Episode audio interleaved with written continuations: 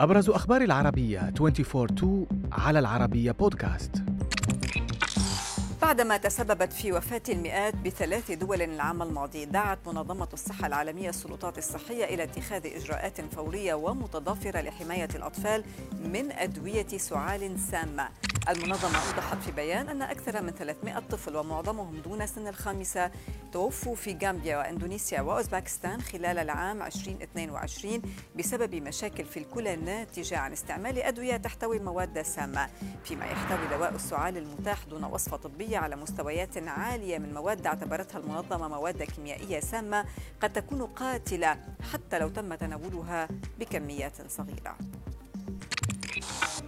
في تصريح غير مسبوق حذر الرئيس الإسرائيلي إسحاق هيرتسوك من انهيار إسرائيل خلال السنوات القليلة المقبلة مذكرا بدولتي مملكة داوود والحشم نائيم اللتين لم تصمدا لأكثر من ثمانين عاما. هيرتسوك قال في تصريحات نقلتها صحيفة تايمز أوف إسرائيل إن غياب الحوار يمزق إسرائيل من الداخل معتبرا أن الوضع الداخلي على وشك الانفجار وذلك على خلفية أزمة سياسية حادة خلفها إعلان حكومة بنيامين نتنياهو عن خطة لإصلاح القضاء وصفتها المعارضة بالانقلاب فيما شهدت تل أبيب تظاهرة ضخمة السبت الماضي ضد هذه الخطة.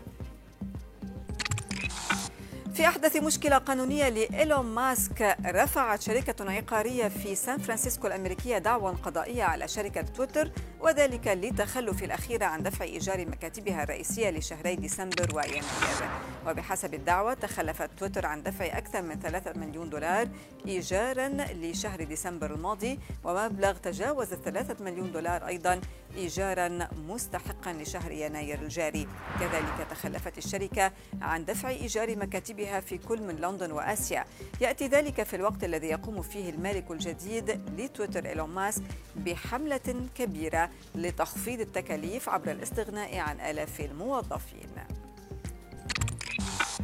فاز طفل بريطاني بعمر الرابعة بعضوية جمعية مينسا المرموقة التي لا يدخلها سوى الأشخاص الذين يتمتعون بقدر عال من الذكاء ليحقق بذلك نجاحا مبهرا ويثير تفاعلا واسعا في مواقع التواصل. صحيفة ديلي ميل أوضحت في تقرير لها أن الطفل تادي هوبس باستطاعته القراءة والعد من واحد إلى مئة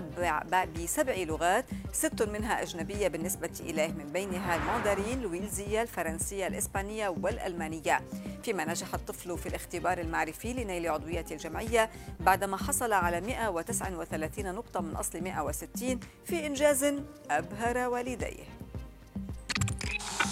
في خبرنا الأخير شهدت مباراة بنفيكا وسبورتنج لشبونة في بطولة كأس البرتغال للسيدات سابقة تاريخية في عالم كرة القدم وهي إشهار حكم المباراة بطاقة بلون أبيض. صحيفة دسان البريطانية أوضحت أن إحدى اللاعبات سقطت على الأرض بعد تعرضها لإصابة فهرع الطاقم الطبي من الفريقين إلى أرض الملعب من أجل تقديم العلاج لها مضيفة أنه بعد انتهاء الطاقمين من مهمتهما سارع حكم اللقاء إلى إشهار البطاقة البيضاء وهو تصرف يهدف إلى تشجيع القيم الرياضية والإنسانية في لعبة كرة القدم وفق لما ذكرته الصحيفة.